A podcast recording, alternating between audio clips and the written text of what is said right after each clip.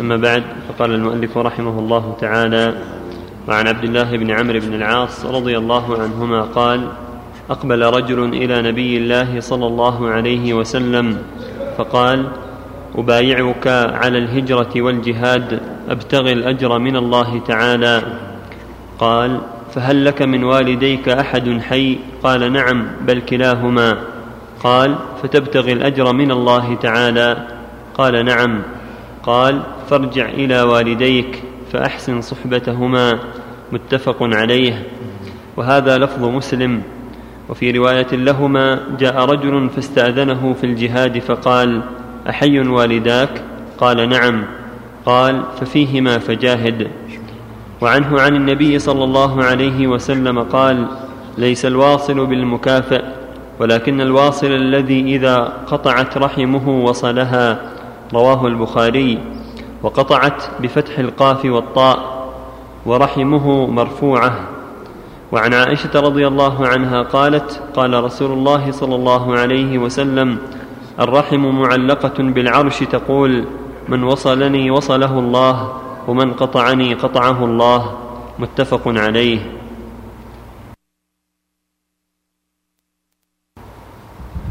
بسم الله الرحمن الرحيم. الحمد لله. وصلى الله وسلم على رسول الله وعلى آله وأصحابه ومن اهتدى بهداه. أما بعد هذه الأحاديث كالتي قبلها في الحث على صلة الرحم. ان ينبغي المؤمن يجتهد في صله الرحم وبر الوالدين والإحسان إليهما فإن حقهما عظيم. ولهذا قال النبي هذا الرجل الذي ساله إن جاء الهجرة والجهاد قال حي والداك؟ قال نعم. قال ففيهما فجاهد. قال ارجع فأحسن إليهما. فبرهما من أهم الجهاد ومن أهم القرب إلى الله عز وجل. فهذا يدل على أن بر الوالدين والإحسان إليهما من أفضل الجهاد والقرب. فلفظ الله ارجع فاستأذنهما فإن اذنا لك وإلا فبرهما. وهكذا قوله صلى الله عليه وسلم ليس الواصل بالمكافي الواصل الحقيقي ليس هو المكافي الواصل الذي قد إذا قطعت رحمه وصلها.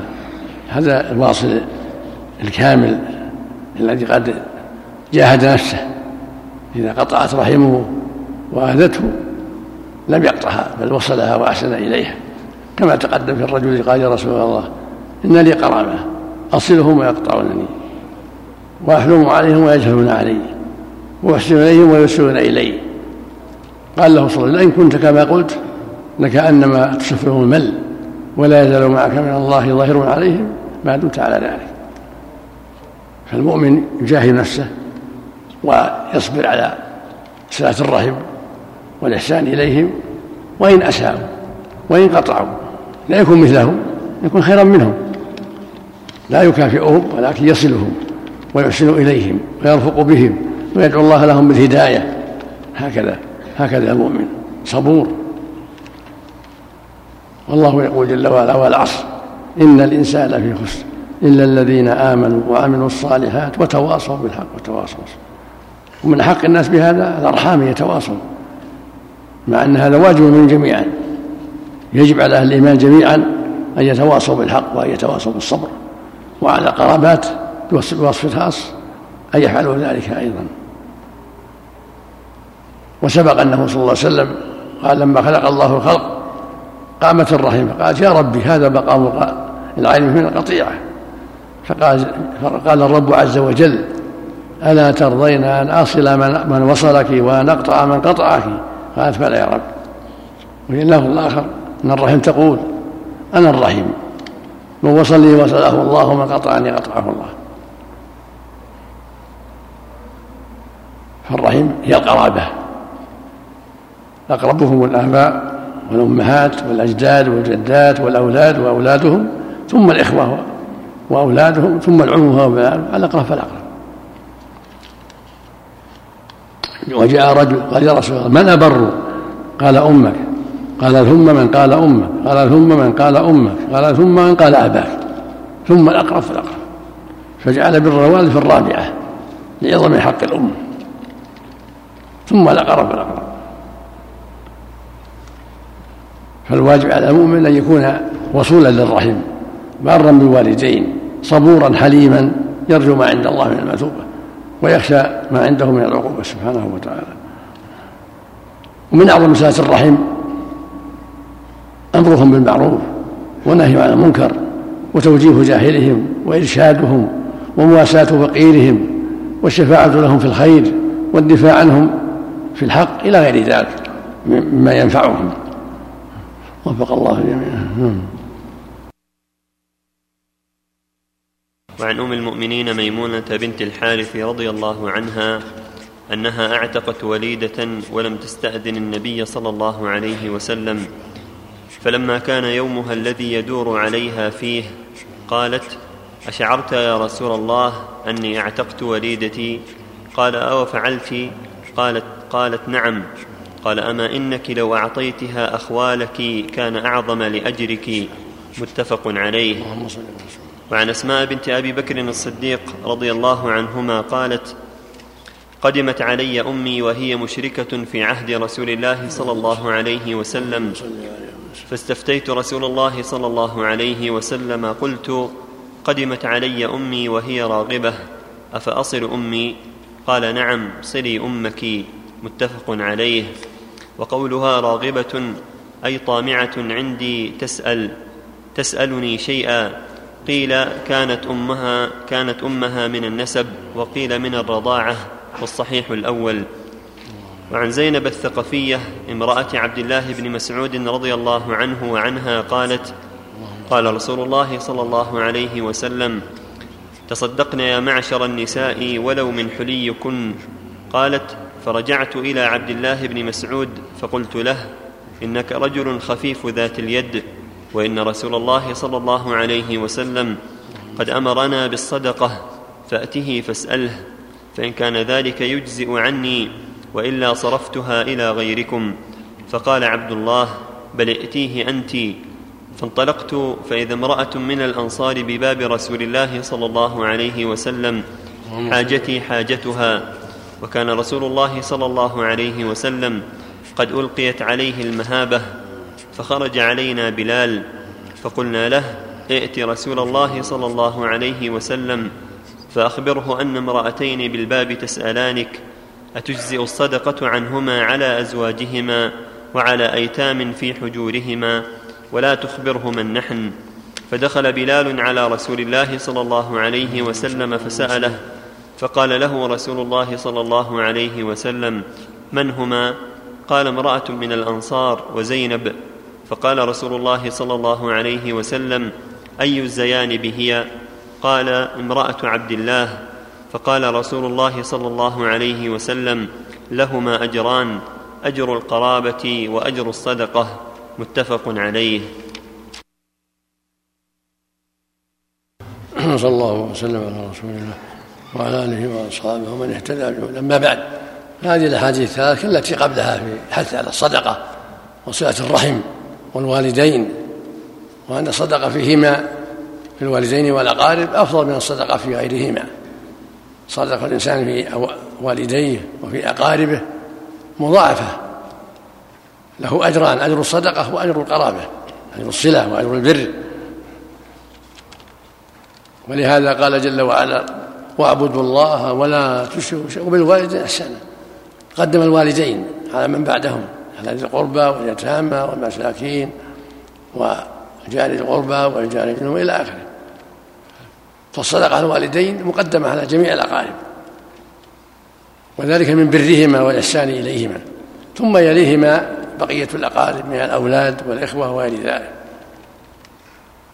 وتقدم قول النبي صلى الله عليه وسلم لما سأله سائل قال يا رسول من أبر؟ قال أمك. قال ثم من قال أمك. قال ثم من قال أمك. قال ثم من قال أباك. ثم الأقرب فالأقرب. وفي هذا أنه صلى الله عليه وسلم قالت له ميمونة زوجته صلى الله عليه وسلم أم المؤمنين بنت الحارث. يا رسول الله أشعرت أني أعتقت فلانة؟ جارية لها أعتقتها. قال أفعلت؟ قالت نعم. قال أما إنك لو أعطيتها أخوالك لكان أعظم لأجرك يبين صلى الله عليه وسلم أن صلة الرحم والصدقة في الأقارب أفضل من العتق. يعني لو أنها صدقت بالعبد باعته قسمت ثمنه على أقاربها المحاويج لكان أفضل من عتقه أو أعطته إياه إذا بحاجة إلى خدمته أفضل من عتقه أما إنك لو أعطيتها أخوالك أخوال. أبعد من الأم والأب والإخوة أخوال. لا أما إنك لو أعطيتها أخوالك لكان أعظم لأجلك. وهكذا في الصحيح من حديث أسماء بنت أبي بكر أخت عائشة رضي الله عنها. أخت عائشة من أبيها. جاءتها أمها من من مكة وأمها مشركة. وقت الهدنة وقت الصلح الذي بين النبي صلى الله عليه وسلم وبين أهل مكة في الهدنة. جاءتها راغبة تطلب الرفد تطلب المساعدة. فقالت أسماء يا رسول الله إن أمي جاءت وهي راغبة في الصلة والإحسان أفأصلها؟ يعني وهي على دين قومها مشركة. قال نعم صليها. فدل ذلك على أن الأقارب والوالدين يبر فيهم ويوصلون وإن كانوا على غير دينك. كانت الوالدة أو الوالد أو الأخ أو العم على غير دينك. ما دام في حال هدنة حال صلح حال معاهدة؟ مو بحال حرب يوصلون ولهذا أمر النبي أسمع أن تصل أمها وهي كافرة لأنها في حال الهدنة وحال الأمن بين المشركين وبين المسلمين والمعاهدة. والله يقول سبحانه لا ينهاكم الله عن الذين لم يقاتلوا في الدين ولم يخرجوكم من ديارهم أن تبروهم وتقسطوا إليهم. إن الله يحب المقسطين. فأذن في صلة الأقارب وإن كانوا على كفر. ما داموا في عهد وأمان ليسوا في حرب. أما في حال الحرب لا. الحرب بيننا وبينهم ما يعطون شيء بل يقاتلون. لكن مع الكفار يقاتلون ولا يوصلون. لكن في حال الهدنة وحال الأمان وحال المعاهدة لا بأس أن يصل الإنسان قراباته. وبصلته لهم دعوة للإسلام أيضا وتقريب وترغيب في الإسلام. إذا وصلهم مع كفرهم صار هذا من أسباب ترغيبهم في الإسلام ودعوتهم إليه وأن أقاربهم لم ينسوهم مع كفرهم. وهذا كله واضح في الترغيب في الخير والحث على الإحسان إلى الأقارب. رجاء أن يهديهم الله رجاء أن يسلموا وإن كانوا كافرين. وكثير من الناس ينسى أقاربه ولا يعرف صلتهم لا بالزيارة ولا بالمال ولا بالصدقة مصيبة يجب الحذر منها. هذه الأخير حديث زينب. تصدقنا تصدقنا يا معشر النساء. كذلك حديث يقول يا رسول الله والرسول صلى الله عليه وسلم يا معشر تصدقنا. ولو من حليفن فذهبت زينب امرأة مسعود تسأل النبي صلى الله عليه وسلم مع امرأة أخرى. هل توجد صدقة في أزواجهن وأيتامهن؟ قال النبي نعم. لكم أجران. صدقة في الزوج والقريب اليتيم أجران. كون المرأة تعطي زوجها يكون محتاج تصدق عليه. كذلك يتامها تنفق عليهم لها أجران. أجر الصلة وأجر القرابة. أجر أجر الصلة وأجر الصدقة. وفق الله جميعا. أما بعد فقال الإمام النووي رحمه الله تعالى وعن أبي سفيان صخر بن حرب رضي الله عنه في حديثه الطويل في قصة هرقل أن هرقل قال لأبي سفيان فماذا يأمركم به؟ يعني النبي صلى الله عليه وسلم قال قلت يقول اعبدوا الله وحده ولا تشركوا به شيئا واتركوا ما يقول آباؤكم ويأمرنا بالصلاة والصدق والعفاف والصلة متفق عليه.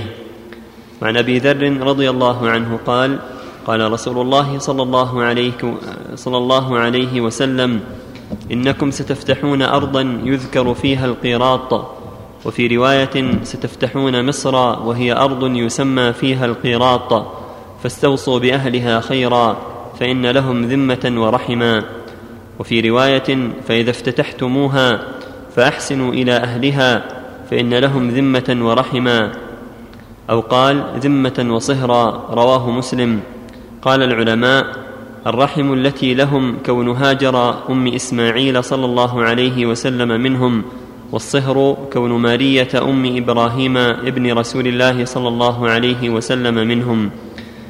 وعن أبي هريرة رضي الله عنه قال لما نزلت هذه الآية وأنذر عشيرتك الأقربين دعا رسول الله صلى الله عليه وسلم قريشا فاجتمعوا فعم وخص وقال يا بني عبد شمس يا بني كعب بن لؤي أنقذوا أنفسكم من النار. يا بني مرة بن كعب أنقذوا أنفسكم من النار. يا بني عبد مناف أنقذوا أنفسكم من النار. يا بني هاشم أنقذوا أنفسكم من النار. يا بني عبد المطلب أنقذوا أنفسكم من النار. يا فاطمة أنقذي نفسك من النار. فإني لا أملك لكم من الله شيئا غير أن لكم رحما سأبلها ببلالها. رواه مسلم. قوله صلى الله عليه وسلم ببلالها هو بفتح الباء الثانية وكسرها والبلال الماء. ومعنى الحديث سأصلها شبه قطيعتها بالحرارة تطفأ بالماء وهذه تبرد بالصلة. صلى الله وسلم على رسول الله وعلى آله وأصحابه ومن اهتدى بهن أما بعد فهذه الأحاديث الثلاثة كالتي قبلها. من الأحاديث تتعلق بصلاة الرحم والحث على الإحسان إلى الأرحام والأقارب. تقدم أن الله جل وعلا توعد من قطع الرحم وعيدا شديدا فقال فهل عسيتم إن توليتم أن تفسدوا في الأرض وتقطعوا أرحامكم؟ أولئك الذين لعنهم الله فأصمهم وأعمى أبصارهم.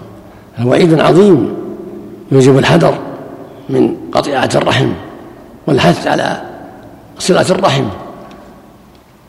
فالمؤمن يجتهد في صلة أرحامه وأقاربه بالمال وبالكلام الطيب وبالزيارة وبالمكاتبة إن كانوا بعيدين بالمكاتبة الهاتفية. يعالج الأمور بما يستطيع.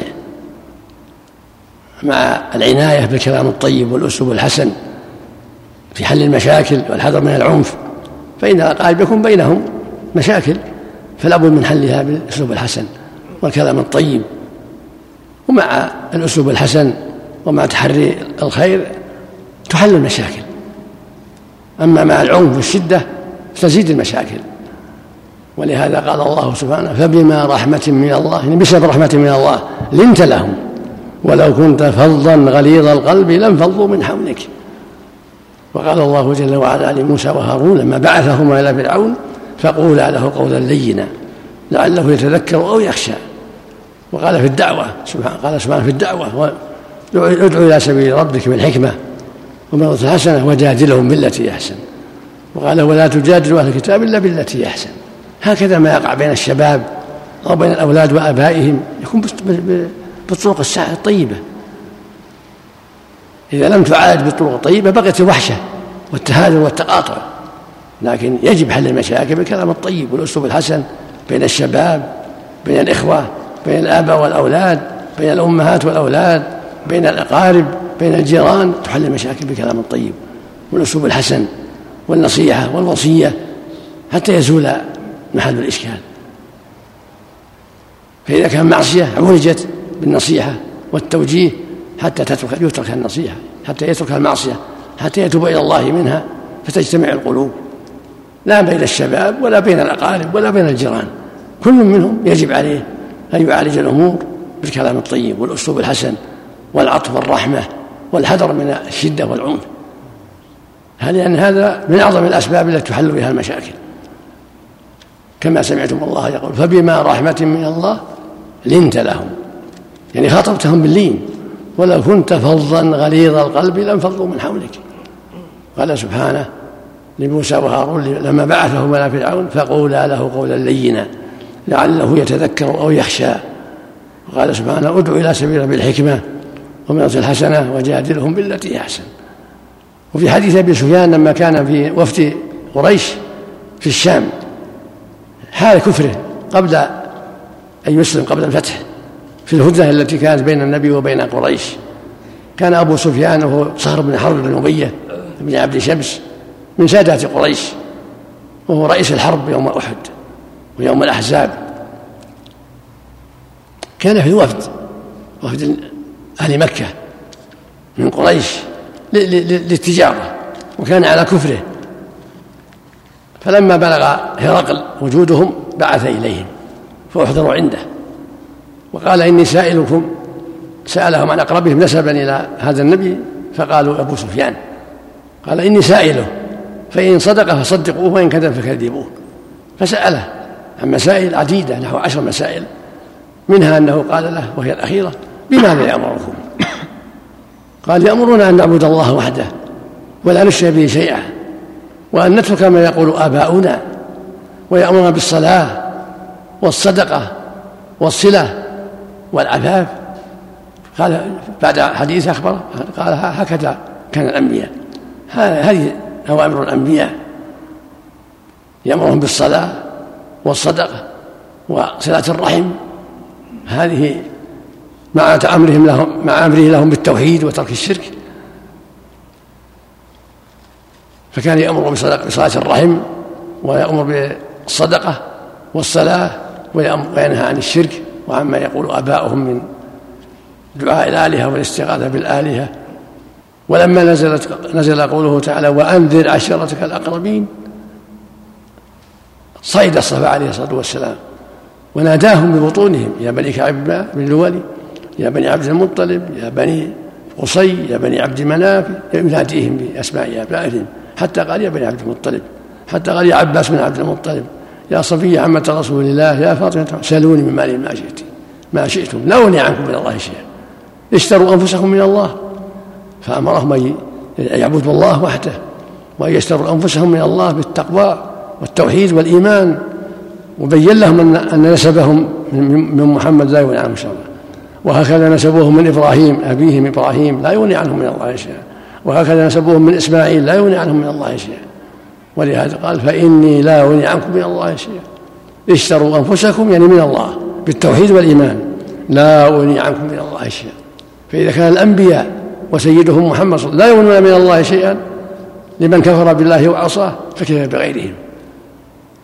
فالواجب طاعة الله ورسوله والاستقامة على دين الله والحذر من الاعتماد على الأنساب وشرف الآباء ونحو ذلك مما يغتر به الجهلة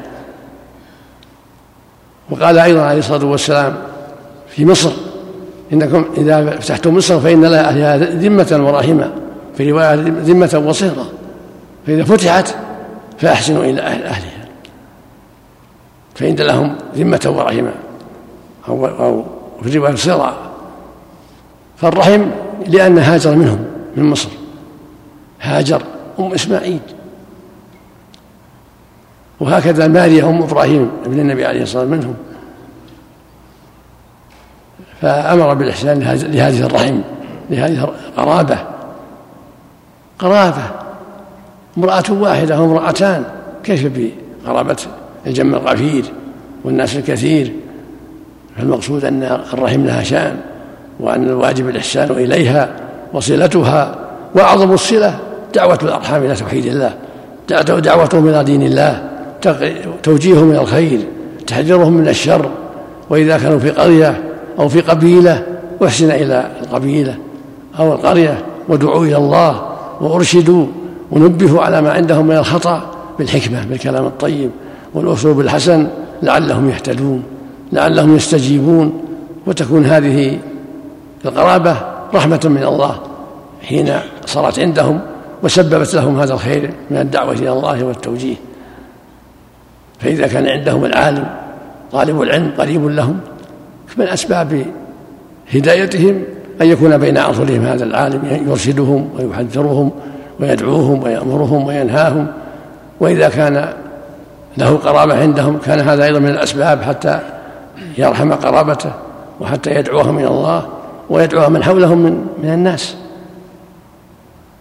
والمقصود من هذا كله الحث على الدعوة إلى الله والصبر والإحسان وإذا كان هناك رحم كان لهم وصية زيادة عناية من أجل الرحم والقرابة علاوة على ما ما يجب من الدعوة إلى الله علاوة على ما في الدعوة إلى الله من الخير وإن كانوا غير غير أرحام كما قال صلى الله عليه وسلم من دل على خير فله مثل أجر فاعله فإذا دعا إلى الخير فله مثل أجر من هداه الله على يديه وإن كانوا من أبعد الناس جنا أو إنسا إذا هداهم الله على يديه له مثل أجورهم.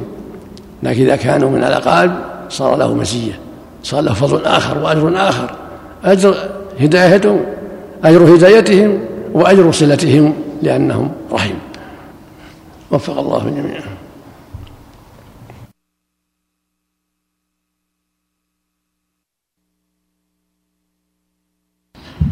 بسم الله الرحمن الرحيم الحمد لله رب العالمين والصلاة والسلام على أشرف الأنبياء والمرسلين نبينا محمد وعلى آله وصحبه أجمعين. أما بعد فقال الإمام النووي رحمه الله تعالى في باب بر الوالدين وصلة الأرحام وعن أبي عبد الله عمرو بن العاص رضي الله عنهما قال سمعت رسول الله صلى الله عليه وسلم جهارا غير سر يقول إن آل بني فلان ليسوا بأوليائي إنما ولي الله وصالح المؤمنين ولكن لهم رحم أبلها ببلالها متفق عليه واللفظ للبخاري. وعن أبي أيوب خالد بن زيد الأنصاري رضي الله عنه أن رجلا قال يا رسول الله أخبرني بعمل يدخلني الجنة ويباعدني من النار. فقال النبي صلى الله عليه وسلم تعبد الله ولا تشرك به شيئا وتقيم الصلاة وتؤتي الزكاة وتصل الرحم. متفق عليه. وعن سلمان بن عامر رضي الله عنه عن النبي صلى الله عليه وسلم قال إذا أفطر أحدكم فليفطر على تمر فإنه بركة فإن لم يجد تمرا فالماء فإنه طهور. وقال الصدقة على المسكين صدقة وعلى ذي الرحم ثنتان صدقة وصلة. رواه الترمذي وقال حديث حسن.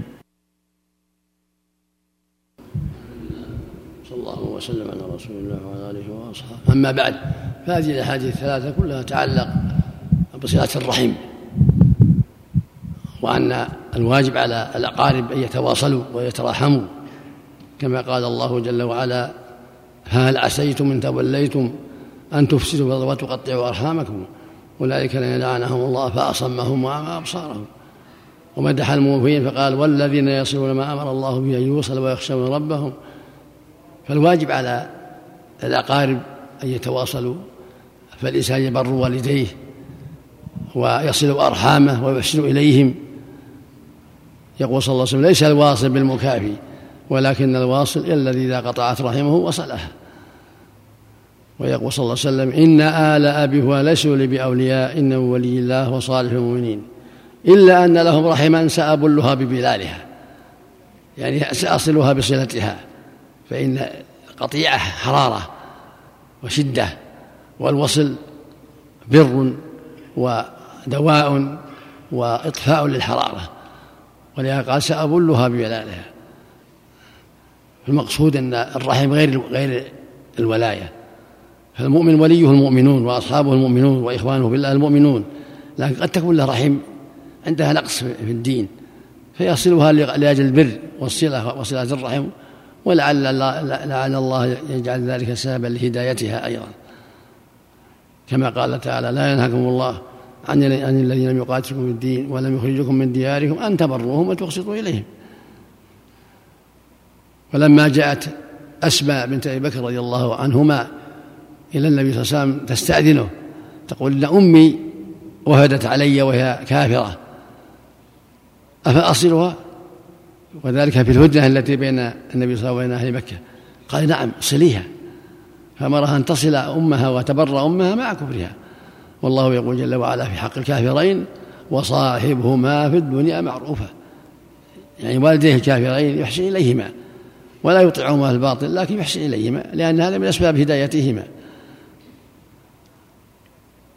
ولما سأله رجل قال يا رسول الله أخبرني بعمل أدخل به الجنة. قال تعبد الله. ولا تشرك شيئا وتقيم الصلاة وتأتي الزكاة تؤتي الزكاة وتصل الرحم. تبين أن صلة الرحم من أسباب دخول الجنة. صلة الرحم من أسباب دخول الجنة والنجاة من النار. وقال عليه الصلاة والسلام الصدقة على المسكين صدقة وعلى ذي الرحم اثنتان صدقة وصلة.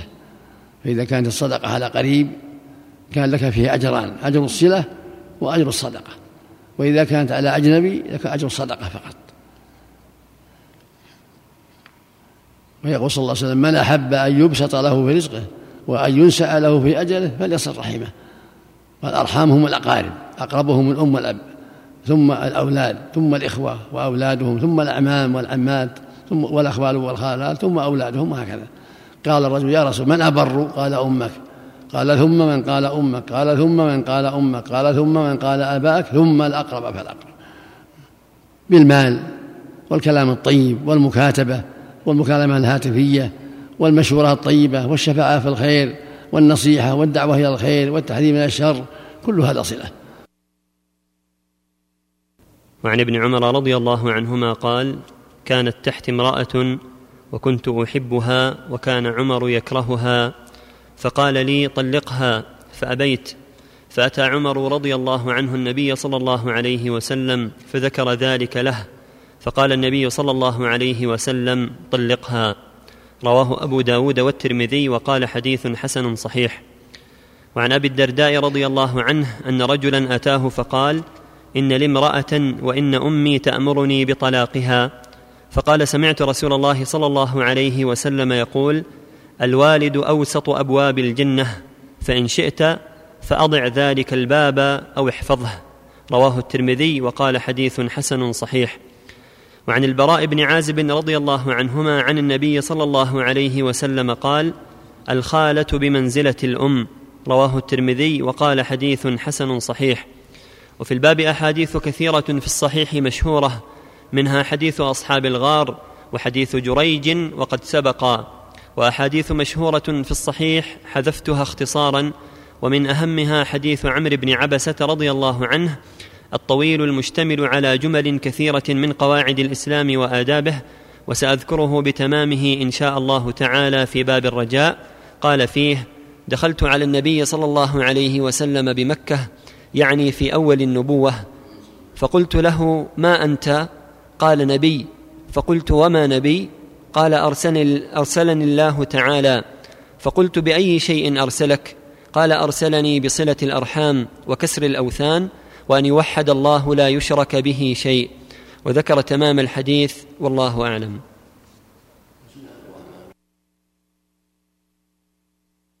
وعلى آله وأصحابه من اهتدى به أما بعد هذه الأحاديث التي قبلها في الحث على بر الوالدين وصلة الرحم.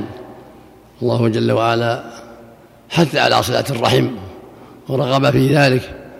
قال والذين يصلون ما أمر الله به أن يوصل. قال فهل عسيتم إن توليتم أن تفسدوا وتقطعوا أرحامكم؟ أولئك الذين لعنهم الله فأصمهم وأعمى أبصارهم. فالواجب على كل مؤمن أن يبر والديه وأن يصل أرحامه. وبر الوالدين أهم الأمور من جهة الرحم. فإن الوالدين هما الأقرب ونعمتهما وإحسانهما أمر مع إحسانهما أمر معروف. ولهذا وصى الله بهما خيرا في آيات كثيرات. وقضى ربك ألا تعبدوا إلا إياه وبالوالدين إحسانا. واعبدوا الله ولا تشركوا شيئا وبالوالدين إحسانا. أن اشكر لي ولوالديك إليه المصير. ومن هذا حديث عمر وابن عبد الله لما كان عند عبد الله بن عمر امرأة لم تعجب عمر فقال له طلقها. فلم يبادر اشتكاه عمر إلى النبي صلى الله عليه وسلم فقال له النبي طلقها. هذا في دلالة على أن الوالد إذا أمر بطلاق زوجة الإبن أنه يطلقها. وهذا محمول على أنه أن عمر رأى منها ما يوجب ذلك. فلهذا طلب منه طلاقها. وهكذا حديث طلاق طلب الأم وأن الوالدين أوسطوا أبواب الجنة فإن شئت فأمسك ذاك الباب وأضعه. فطاعة الوالد أعظم فإن الأم برها أكبر وحقها أعظم. فإذا أمرت بطلاق المرأة طلقت. اللهم إلا أن تكون هناك أسباب تمنع كأن يكون الأب ضعيف الإيمان والمرأة جيدة طيبة أو الأم كذلك ضعيفة الإيمان والزوجة طيبة فلا يلزم الولد طاعتهما. إنما الطاعة في المعروف كما قال صلى الله عليه وسلم. إنما الطاعة في المعروف لا طاعة المخلوق في مصلحة الخلق فإذا كانت الزوجة طيبة والأب والأم هما اللذان تعديا عليها وهما اللذان رماياها بما لا ينبغي هذا غير داخل في الأمر. وليس ولا يلزم الولد طاعتهما فيما يخالف المعروف. وكذلك حديث عمرو بن عبسة وما جاء في معناه من أنه صلى الله عليه وسلم لما سئل بما بعثت قال بعثت بكسر الأصنام وصلة الأرحام وأن يوحد الله وحده. وهكذا أبو سفيان لما سأله هرقل لما بلغه هرقل خبر خبر النبي صلى الله عليه وسلم ودعوته وذكر له أن أن رهطا من قريش في الشام فطلبهم وكان معهم أبو سفيان فسألهم من أقربهم إليه فقالوا إنها إنه أبو سفيان فقال إني سائله فإن كذب فكذبوه فسأله أبو سفيان هرقل عن أسئلة منها أنه قال بماذا يأمركم؟ قال يأمرنا أن نعبد الله وحده وأن لا نشرك به شيئا ويأمر بالصلاة والصدقة وصلة الرحم والعفاف. فقال إن كنت كما قلت فإن كان كما قلت فإنه لنبي. ولو قدرت أن أصل إليه لا غسلت عن قدميه. المقصود أن أن أبا سفيان أخبر مثل ما أخبر عمرو بن عبسة أن الرسول كان يأمرهم بالصلاة والصدقة وصلة الرحم ويأمرهم بتوحيد الله وطاعته وترك الإشراك به سبحانه وتعالى. فصلاة الرحم من أهم القربات وبر الوالدين أكبر وأعظم. فالواجب على المؤمن أن يحرص على بر والديه وصلة أرحامه والحذر من العقوق والقطيعة. باب تحريم العقوق وقطيعة الرحم. قال الله تعالى فهل عسيتم إن توليتم أن تفسدوا في الأرض وتقطعوا أرحامكم؟ أولئك الذين لعنهم الله فأصمهم وأعمى أبصارهم. وقال تعالى والذين ينقضون عهد الله من بعد ميثاقه ويقطعون ما أمر الله به أن يوصل ويفسدون في الأرض أولئك لهم اللعنة ولهم سوء الدار. وقال تعالى وقضى ربك ألا تعبدوا إلا إياه وبالوالدين إحسانا. إما يبلغن عندك الكبر أحدهما أو كلاهما فلا تقل لهما أف ولا تنهرهما وقل لهما قولا كريما. واخفض لهما جناح الذل من الرحمة وقل رب ارحمهما كما ربياني صغيرا. وعن أبي بكرة نفيع بن الحارث رضي الله عنه قال قال رسول الله صلى الله عليه وسلم ألا أنبئكم بأكبر الكبائر؟ ثلاثا قلنا بلى يا رسول الله. قال الإشراك بالله وعقوق الوالدين. وكان متكئا فجلس فقال ألا وقول الزور وشهادة الزور؟ فما زال يكررها حتى قلنا ليته سكت. متفق عليه. وعن عبد الله بن عمرو بن العاص رضي الله عنهما عن النبي صلى الله عليه وسلم قال الكبائر الإشراك بالله وعقوق الوالدين وقتل النفس واليمين الغموس رواه البخاري. اليمين الغموس التي يحلفها كاذبا عامدا سميت غموسا لأنها تغمس الحالف في الإثم. وعنه أن رسول الله صلى الله عليه وسلم قال من الكبائر شتم الرجل والديه قالوا يا رسول الله وهل يشتم الرجل والديه؟ قال نعم يسب أبا الرجل فيسب أباه ويسب أمه فيسب أمه متفق عليه. وفي رواية إن من أكبر الكبائر أن يلعن الرجل والديه. قيل يا رسول الله كيف يلعن الرجل والديه؟ قال يسب أبا الرجل فيسب أباه ويسب أمه فيسب أمه. هذه الآيات الكريمات والأحاديث فيها التحذير من العقوق الوالدين قطيعة الرحم. العقوق من أكبر الكبائر. وقطيعه الرحم من أكبر الكبائر. والعقوق الإساءة إلى الوالدين الإساءة إليهم بالسب أو الضرب أو غير هذا مما يعد إساءة أو عدم النفقة عليهم مع حاجتهم ونحو ذلك. يقول الله جل وعلا فهل عسيتم إن توليتم أن تفسدوا الأرض وتقطعوا أرحامكم؟ أولئك الذين لعنهم الله فأصمهم وأعمى أبصارهم. وعقول الوالدين هو أقبح شيء من القطيعة وأعظم قطيعة. لأن الوالدين هما أقرب الناس إليه فعقوقهما وقطيعتهما من أكبر الكبائر. قال جل وعلا والذين ينقضون عهد الله من بعد ميثاقه ويقطعون ما أمر الله به أن يوصل ويفسدون في الأرض أولئك لهم اللعنة ولهم سوء الدار. قال جل وعلا أن اشكر لي ولوالديك إلي المصير. قال تعالى وقضى ربك ألا تعبدوا إلا إياه وبالوالدين إحسانا. في آيات كثيرات تحث على الإحسان والوالدين والبر لهما.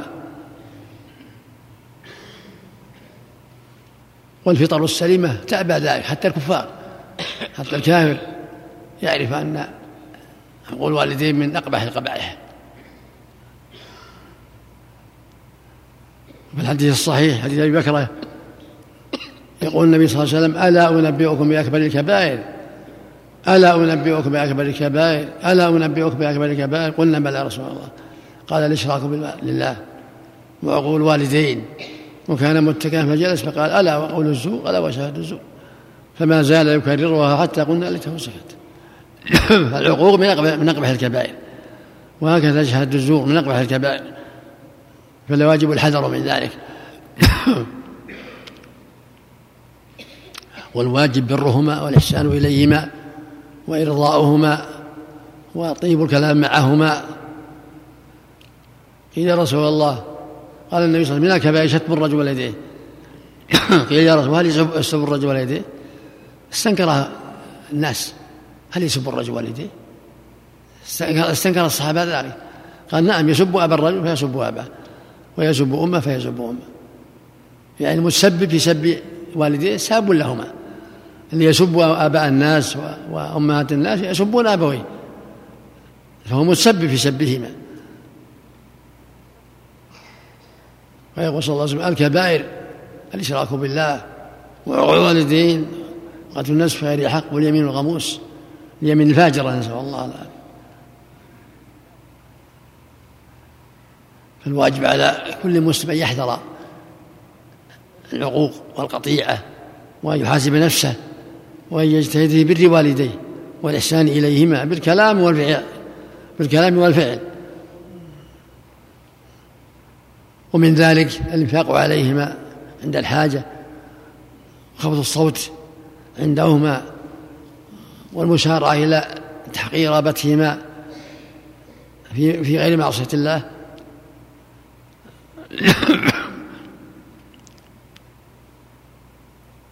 وهكذا إكرام صديقهما وإنفاذ عهدهما من بعدهما كل هذا من برهما.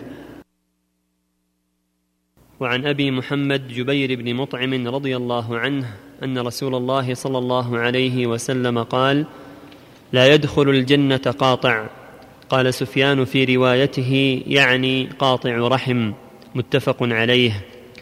وعن أبي عيسى المغيرة بن شعبة رضي الله عنه عن النبي صلى الله عليه وسلم قال إن الله تعالى حرم عليكم عقوق الأمهات ومنعا وهات ووأد البنات وكره لكم قيل وقال وكثرة السؤال وإضاعة المال متفق عليه قوله منعا معناه منع ما وجب عليه وهاتي طلب ما ليس له ووأد البنات معناه دفنهن في الحياة وقيل وقال معناه الحديث بكل ما يسمعه فيقول قيل كذا وقال فلان كذا مما لا يعلم صحته ولا يظنها.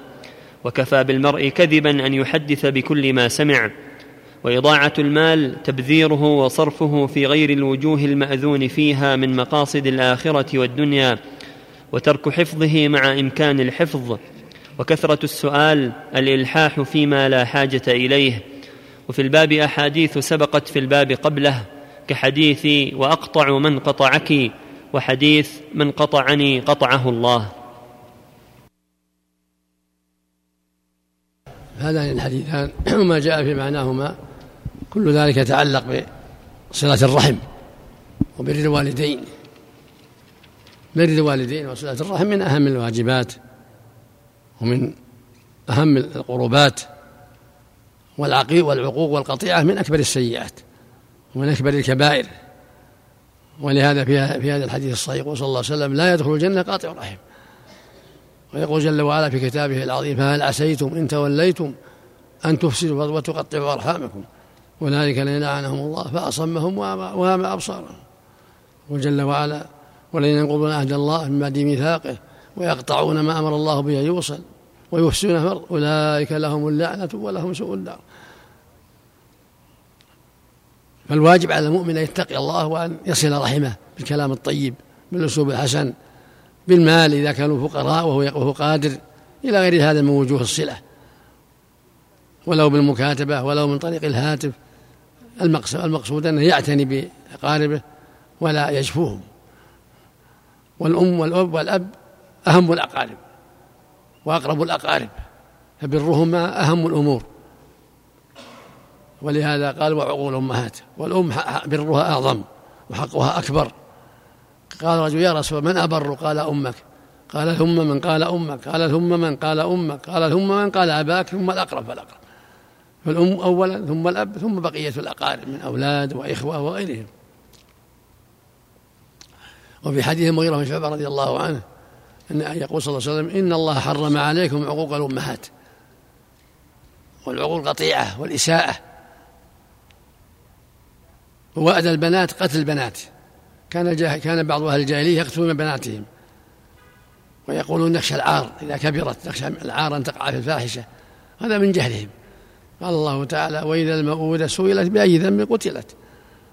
فلا يجوز قتل البنت خوفا من أن تقع في العار.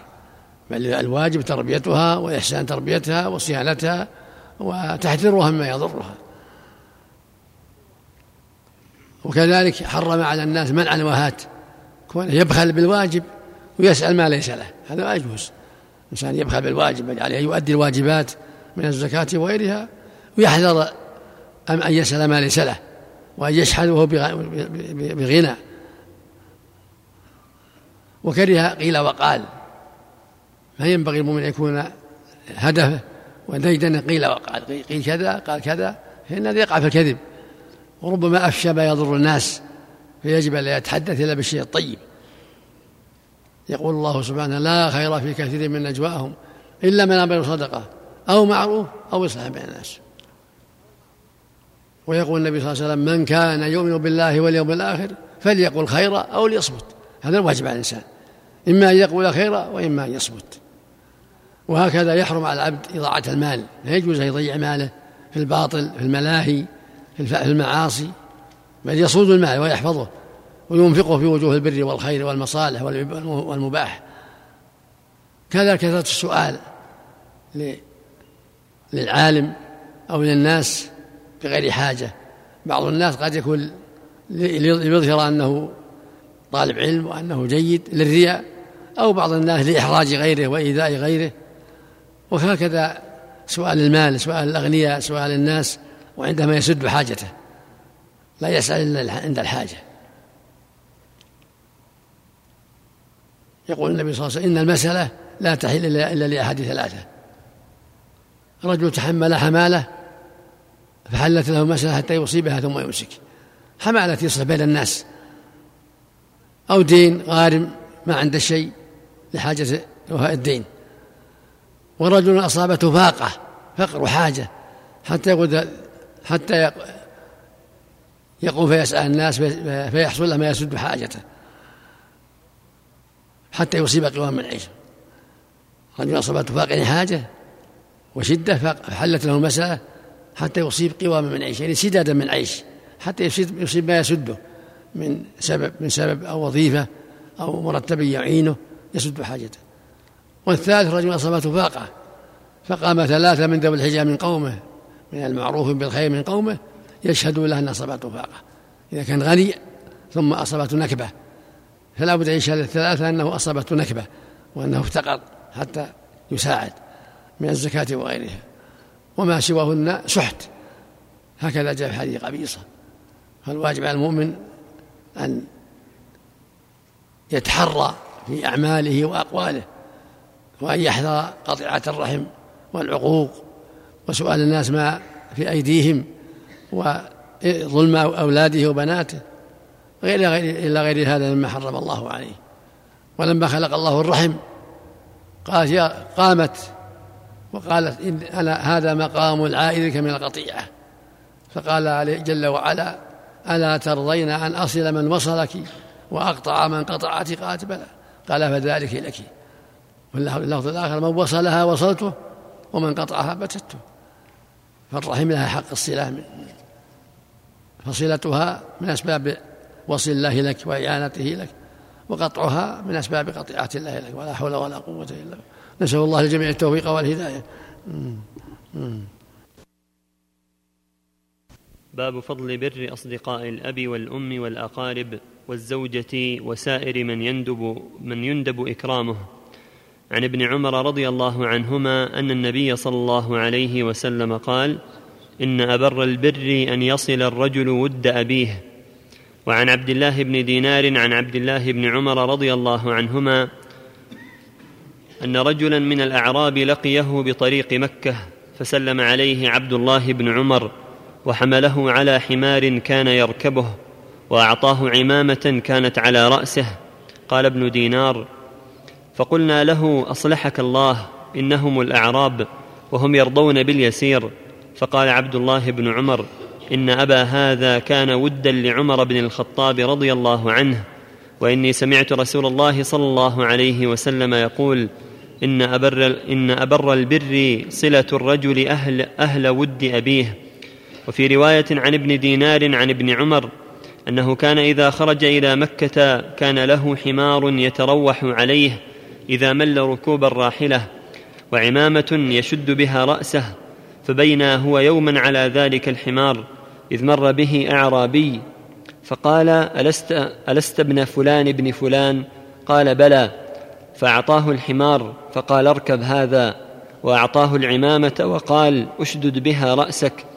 فقال له بعض أصحابه غفر الله لك. أعطيت هذا الأعرابي حمارا كنت تروح عليه وعمامة كنت تشد بها رأسك. فقال إني سمعت رسول الله صلى الله عليه وسلم يقول إن من أبر إن من أبر البر أن يصل الرجل أهل ود أبيه بعد أن يولي وإن أباه كان صديقا لعمر رضي الله عنه. روى هذه الروايات كلها مسلم. وعن أبي أسيد بضم الهمزة وفتح السين مالك بن ربيعة الساعدي رضي الله عنه قال بينا نحن جلوس عند رسول الله صلى الله عليه وسلم. إذ جاءه رجل من بني سلمة فقال يا رسول الله هل بقي من بر أبوي شيء أبرهما به بعد موتهما؟ فقال نعم الصلاة عليهما والاستغفار لهما وإنفاذ عهدهما من بعدهما وصلة الرحم التي لا توصل إلا بهما وإكرام صديقهما رواه أبو داود.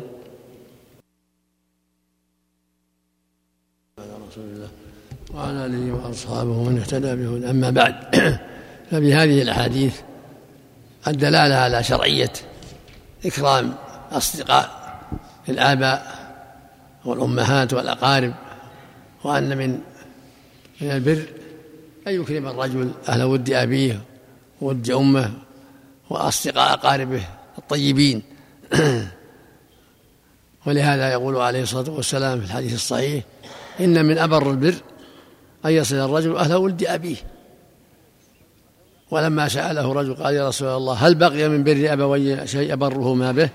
قال نعم الدعاء لهما والاستغفار لهما وإنفاذ عهدهما من بعدهما يعني وصيتهم الوصية الشرعية وإكرام صديقهما فجعل من ودهم ومن برهم إكرام صديقهم وصلة الرحم التي لا تصل إلا بهما كإكرام الأعمام والخالات والأخوال والعمات كل هذا من بر الوالدين ومن حق الوالدين بعد وفاتهما كما أنه من حقهما في حياتهما أيضا.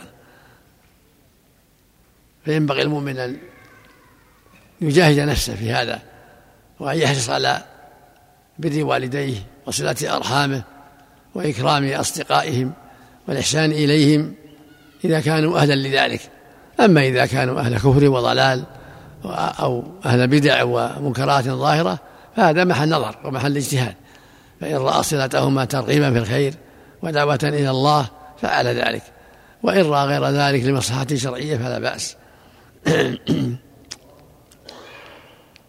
وفيه أيضا عناية ابن عمر رضي الله عنه بأصدقاء أبي عمر وإكرامه لهذا الرجل الذي كان أبوه صديقا لعمر. كان رضي الله عنه يركب المطية في أسفاره ويكون معه أيضا حمار يتروح عليه إذا مل الدابة. فصادفه في بعض أسفاره أعرابي كان أبوه صديقا لعمر. وظاهر الحال أنه كان حافيا فأعطاه ابن عمر الحمار الذي كان يتروح عليه. وأعطاه عمامة على رأسه وقال شد بها رأسك. فلما سئل عن هذا فقيل يا أبا عبد الرحمن إن العرب إن الأعراب يكفيهم القليل. فقال إن أبا هذا كان ودا لعمر. ولهذا أكرمه من أجل أن من أجل أن أباه كان صديقا لعمر رضي الله عنه. ففي هذا شاهد لقوله إكرام صديقهما. فإذا كان هذا في أصدقائهم دل ذلك على تأكد بر الوالدين وصلة الرحم والإحسان إليهم بالكلام الطيب والفعل الطيب لقول الله جل وعلا والذين يصلون ما أمر الله به ويخشون ربهم ويخافون سوء الحساب. قوله جل عليه الصلاة والسلام في الرحم يقول الله جل وعلا في الرحم من وصلها وصلته ومن قطعها بتته. ويقول صلى الله عليه وسلم من أحب أن يبسط له في رزقه وأن ينسى له في أجله فليصل رحمه. ويقول صلى الله عليه وسلم لا يدخل الجنة قاطع رحم. نسأل الله الجميع التوفيق. وعن عائشة رضي الله عنها قالت ما غرت على أحد من نساء النبي صلى الله عليه وسلم. ما غرت على خديجة رضي الله عنها وما رأيتها قط ولكن كان يكثر ذكرها. وربما ذبح الشاة ثم يقطعها أعضاء ثم يبعثها في صدائق خديجة. فربما قلت له كأن لم يكن في الدنيا إلا خديجة فيقول إنها كانت وكانت وكان لي منها ولد متفق عليه وفي روايه وان كان ليذبح الشاء فيهدي في خلائلها منها ما يسعهن وفي روايه كان اذا ذبح الشاة يقول ارسلوا بها إلى اصدقاء خديجه وفي روايه قالت استاذنت هاله بنت خويلد أخت خديجة على رسول الله صلى الله عليه وسلم فعرف استئذان خديجة فارتاح لذلك فقال اللهم هالة بنت خويلد. قوله فارتاح هو بالحاء وفي الجمع بين الصحيحين للحميدي فارتاع بالعين ومعناه اهتم به. وعن أنس بن مالك رضي الله عنه قال خرجت مع جرير بن عبد الله البجلي رضي الله عنه في سفر فكان يخدمني فقلت له لا تفعل. فقال إني رأيت الأنصار. وعن أنس بن مالك رضي الله عنه قال خرجت مع جرير بن عبد الله البجلي رضي الله عنه في سفر فكان يخدمني فقلت له لا تفعل. فقال إني قد رأيت الأنصار تصنع برسول الله صلى الله عليه وسلم شيئا آليت على نفسي الا أصحب احدا منهم إلا خدمته. متفق عليه. في هذين الحديثين كالأحاديث السابقة الدلالة على شرعية إكرام أصدقاء الوالدين وأصدقاء أهل الخير وأصحاب أهل الخير. عملا بقول النبي عليه الصلاة والسلام إن من أبر البر أن يصل الرجل أهل ود أبيه. إن من أبر البر أن يصل الرجل أهل ود أبيه يعني محب أبيه وأصدقائه. ولما سئل يا رسول الله هل بقي من بر أبوي شيء أبرهما به؟ قال الرسول نعم. الصلاة عليهما والاستغفار لهما وإنفاذ عهدهما من بعدهما وإكرام صديقهما وصلة الرحم التي لا تصل إلا بهما. كل هذا من حق الوالدين. إنفاذ وصاياهم الشرعية والدعاء لهم وإكرام أقاربهم وأصدقائهم. وفي هذا الحديث أن عائشة رضي الله عنها قالت ما غرت على أحد من نساء النبي صلى الله عليه وسلم ما غرت على خديجة لأن الرسول كان يكثر من ذكرها كان يكثر يكثر من ذكرها ويدعو لها ويشهد لها بالخير رضي الله عنها وهي أول أزواجه وهي أم أولاده. وهي التي أتاها أتاه الوحي وهي في حباله عليه الصلاة لما نزل من حراء ذهب إليها وقال دثروني دثروني زملوني زملوني. وكانت نعم المرأة رضي الله عنها وأرضاها. فكانت عائشة تقول كأن كأنه ليس في الدنيا إلا خديجة. فيقول إنها كانت وكانت. إنها كانت أم أولادي وكانت تفعل كذا وتفعل كذا وتفعل كذا. يثني عليها. وهذا من الاعتراف بالمعروف ومن أخلاقها الكريمة عليه الصلاة والسلام. قال تعالى ولا تنسوا الفضل بينكم. فكان يعرف لها فضلها ويعرف لها حسن تبعلها وجميل إكرامها للنبي عليه الصلاة والسلام وعنايتها به عليه الصلاة والسلام. وكان يذبح الشاة فيوزعها بين أصدقاء خديجة. يذبح الشاة ويقول أرسلوها إلى فلانة وفلانة وفلانة. أصدقاء خديجة. لأنها توفيت رضي الله عنها في مكة قبل الهجرة.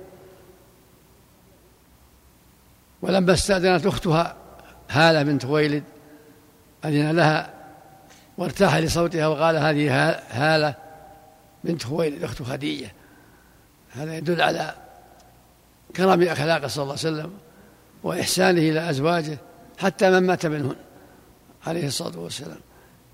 فينبغي المؤمن التأسي بالنبي صلى الله عليه وسلم في إكرام الزوجات الطيبات وإكرام أصدقائهن وأقاربهن وألا ينسى الفضل الذي جرى بينه وبينهن. والله المستعان نعم. باب إكرام أهل بيت رسول الله صلى الله عليه وسلم وبيان فضلهم. قال الله تعالى إنما يريد الله ليذهب عنكم الرجس أهل البيت ويطهركم تطهيرا. وقال تعالى ومن يعظم شعائر الله فإنها من تقوى القلوب. وعن يزيد بن حيان قال انطلقت أنا وحسين بن سبرة وعمر بن مسلم إلى زيد بن أرقم رضي الله عنهم. فلما جلسنا إليه قال له حسين لقد لقيت يا زيد خيرا كثيرا. رأيت رسول الله صلى الله عليه وسلم وسمعت حديثه وغزوت معه وصليت خلفه. لقد لقيت يا زيد خيرا كثيرا. حدثنا يا زيد ما سمعت من رسول الله صلى الله عليه وسلم. قال يا ابن أخي والله لقد كبرت سني وقدم عهدي ونسيت بعض الذي كنت أعي من رسول الله صلى الله عليه وسلم. فما حدثتكم فاقبلوا وما لا فلا تكلفونيه. ثم قال قام رسول الله صلى الله عليه وسلم يوما فينا خطيبا بماء يدعى خما بين مكة والمدينة فحمد الله وأثنى عليه ووعظ وذكر ثم قال أما بعد ألا أيها الناس فإنما أنا بشر يوشك أن يأتي رسول ربي فأجيب وأنا تارك فيكم ثقلين أولهما كتاب الله فيه الهدى والنور فخذوا بكتاب الله واستمسكوا به. فحث على كتاب الله ورغب فيه ثم قال وأهل بيتي أذكركم الله في أهل بيتي أذكركم الله في أهل بيتي. فقال له حسين ومن أهل بيته يا زيد؟ أليس نساؤه من أهل بيته؟ قال نساؤه من أهل بيته. ولكن أهل بيته من حرم الصدقة بعده. قال ومن هم؟ قال هم آل علي وآل عقيل وآل جعفر وآل عباس. قال كل هؤلاء حرم الصدقة. قال نعم رواه مسلم. وفي رواية ألا وإني تارك فيكم ثقلين أحدهما كتاب الله وهو حبل الله. من اتبعه كان على الهدى ومن تركه كان على ضلاله. وعن ابن عمر رضي الله عنهما عن أبي بكر الصديق رضي الله عنه موقوفا عليه أنه قال ارقبوا محمدا صلى الله عليه وسلم في أهل بيته رواه البخاري. معنى ارقبوا راعوه واحترموه وأكرموه والله أعلم. هذه الآيات والأحاديث فيما يتعلق بأهل البيت. أهل بيت النبي صلى الله عليه وسلم. وأهل بيته هم أزواجه رضي الله عنهن وأقاربه من بني هاشم.